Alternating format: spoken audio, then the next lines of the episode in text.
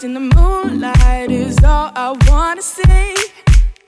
Look up in the night sky, cause you know where to be seen.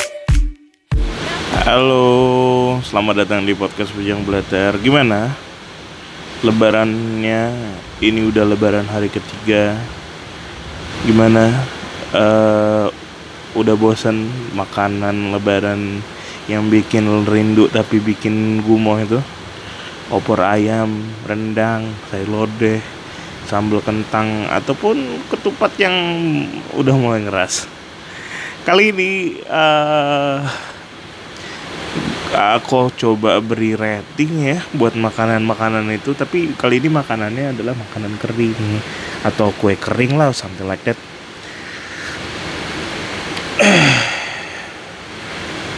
Uh, karena kalau diperhatiin sebenarnya cemilan lebaran itu nggak neko-neko pertama karena nggak selalu beda dari tahun ke tahun dari sekian pertemuan keluarga saat lebaran juga setidaknya ada lima cemilan lebaran yang kalau dilihat selalu muncul tuh di tiap rumah rumah tante rumah om rumah nenek rumah kakek pada kadang dari yang underrated model lidah kucing sampai yang enak betul kayak kastengel ini preferensi gue mari kita mulai. Dari yang underrated dulu lidah kucing. Nah dengan dengan penampilan terstandar lidah kucing tuh ikut hadir dalam tiap toples lebaran keluarga Indonesia. Tak jarang kue lidah kucing juga itu bikin dibikin untuk bingkisan parcel lebaran yang dibagikan ke orang-orang tuh atau hampers namanya sekarang. Nah, kemudian juga maaf-maaf nih. Lidah kucing tuh rasanya tuh kayak kalau di, boleh dibilang enak enggak dibilang biasa bisa jadi dibilang enggak enak pun enggak boleh bilang enggak enak cuman ya effortless kalau dibandingin sama cookies cookies lainnya dari segi rasa tuh pun kurang bikin lebaran terlalu lebaran lah. Jadi kalau dibandingin dengan yang lain tuh rasa lidah kucing tuh cuma hanya di level manis. Stop. Gurihnya tuh cuma dapat dari mentega. Tampilannya pun kayak lidah kucing ya panjang lah jelas gitu dan pipi. Uh, dan yang bikin males tuh kok udah dibuka ada nih budak-budak kecil biasanya kan ke rumah bertamu buka-buka toples tak ditutup tak ditutup betul-betul kita lupa ngeceknya.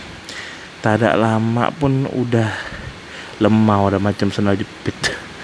Ya itu paling gue enak, enak sih mau buat lebaran tuh. Terus kuping gajah kuping gajah tuh renyah tipis tapi nggak mirip kuping gajah. Penampilan tuh menarik terus harganya murah banding cookies-cookies lain. Uh, segi rasa agak sulit sih ngembangin kuping gajah tuh kayak gimana. Dia nyaris nyaris seperti keripik tapi dia manis ada manisnya dikit tapi ada gurihnya renyahnya ada tuh. Tapi ya biasa aja sih. Nah enak juga cuman any, any occasion kuping gajah tuh mantep tuh buat nemenin ngobrol, nemenin curhat, nonton film, nonton film warkop tuh kalau lebaran tuh. Uh, kuping aja juga lumayan bisa bikin hidup buat nonton bola tuh nggak ketiduran. Jadi walaupun rasanya biasa, cuma menang tampang ya ibaratnya. Kuping gajah tuh cukup lah fungsional untuk menemani kita malam lebaran habis begadang eh pas mau begadang bersihin rumah tuh mantap tuh. Kemudian yang selalu ada juga di keluarga Indonesia itu adalah namanya nastar. Kue isi pasta nanas. Ini mungkin kue yang paling susah dibikin lah kayak kombinasinya manisnya itu dari pasta nanas. Bikin pasta nanasnya susah. Sama ada gurih keju yang nyatu tuh. Eh namanya uh, kalau dibandingin kastengel tetap nastar sih memang agak kalah sedikit. Karena kandungan rasa pasta nanas tuh kadang-kadang bikin manis tak karuan sampai gurih kejunya tuh nggak berasa apa apa nah itu yang bikin nggak oke okay tuh. Namun lebihnya nastar cara makannya nggak nggak nggak repot tuh. Walaupun kadang-kadang ada nastar yang kayak klepon digigit langsung cerot gitu. Uh, tapi ya bulat tidak terlalu besar. Makanya ya satu hap lah. Bapak ibu yang tengah mengasah nastar gelas berat pun itu paling mana nastar? Langsung diambil gitu kan. Tapi ya susah bikin nastar tuh. Lebih enakan beli. Mana pasti enak terus ada juga namanya putri salju. Nah putri salju nih ya kue yang disukai anak kecil lah karena gulanya banyak bentuknya bagus dan apa tuh istilahnya menarik menarik menarik menarik perhatian. Dan ini first impression kue ini nih kalau andai kata kuping gajah dibuka lidah kucing dibuka nastar dibuka tiba-tiba ada putri salju kan beda sendiri tuh bentuknya tuh dan tampilannya tuh putih gitu cuman yang bikin kue ini itu selain kemanisan Ya karena repot lah makannya berdebu, jatuh-jatuh berhamburan tuh gula tuh.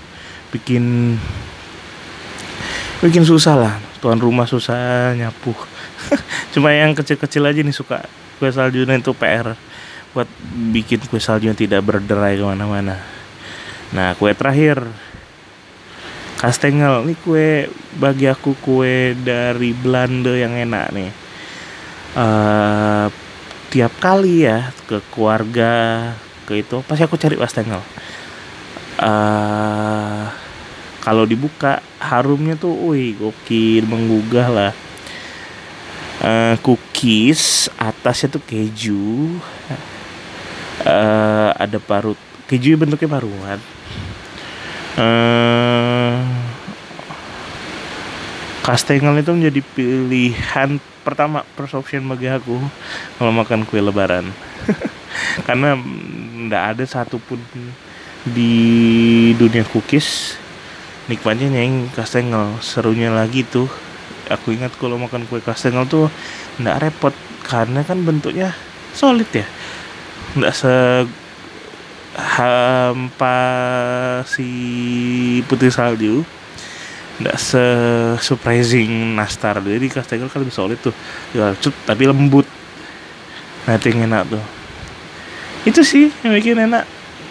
Lebaran selain makanan yang memuasankan opor ayam rendang sayur lodeh sambil kentang sambal ati itu. Ada juga namanya lidah kucing. Uh, kuping gajah nastar kastengel putri salju. Kalau di Pontianak banyaknya kue lapis. Kue lapis tikar kue lapis belacan kue lapis Milo kue lapis KitKat kue lapis pulum. Oh banyak tuh. Di Pontianak tuh kue raja rajanya kue lapis lah. Stardust in the moonlight is all I wanna see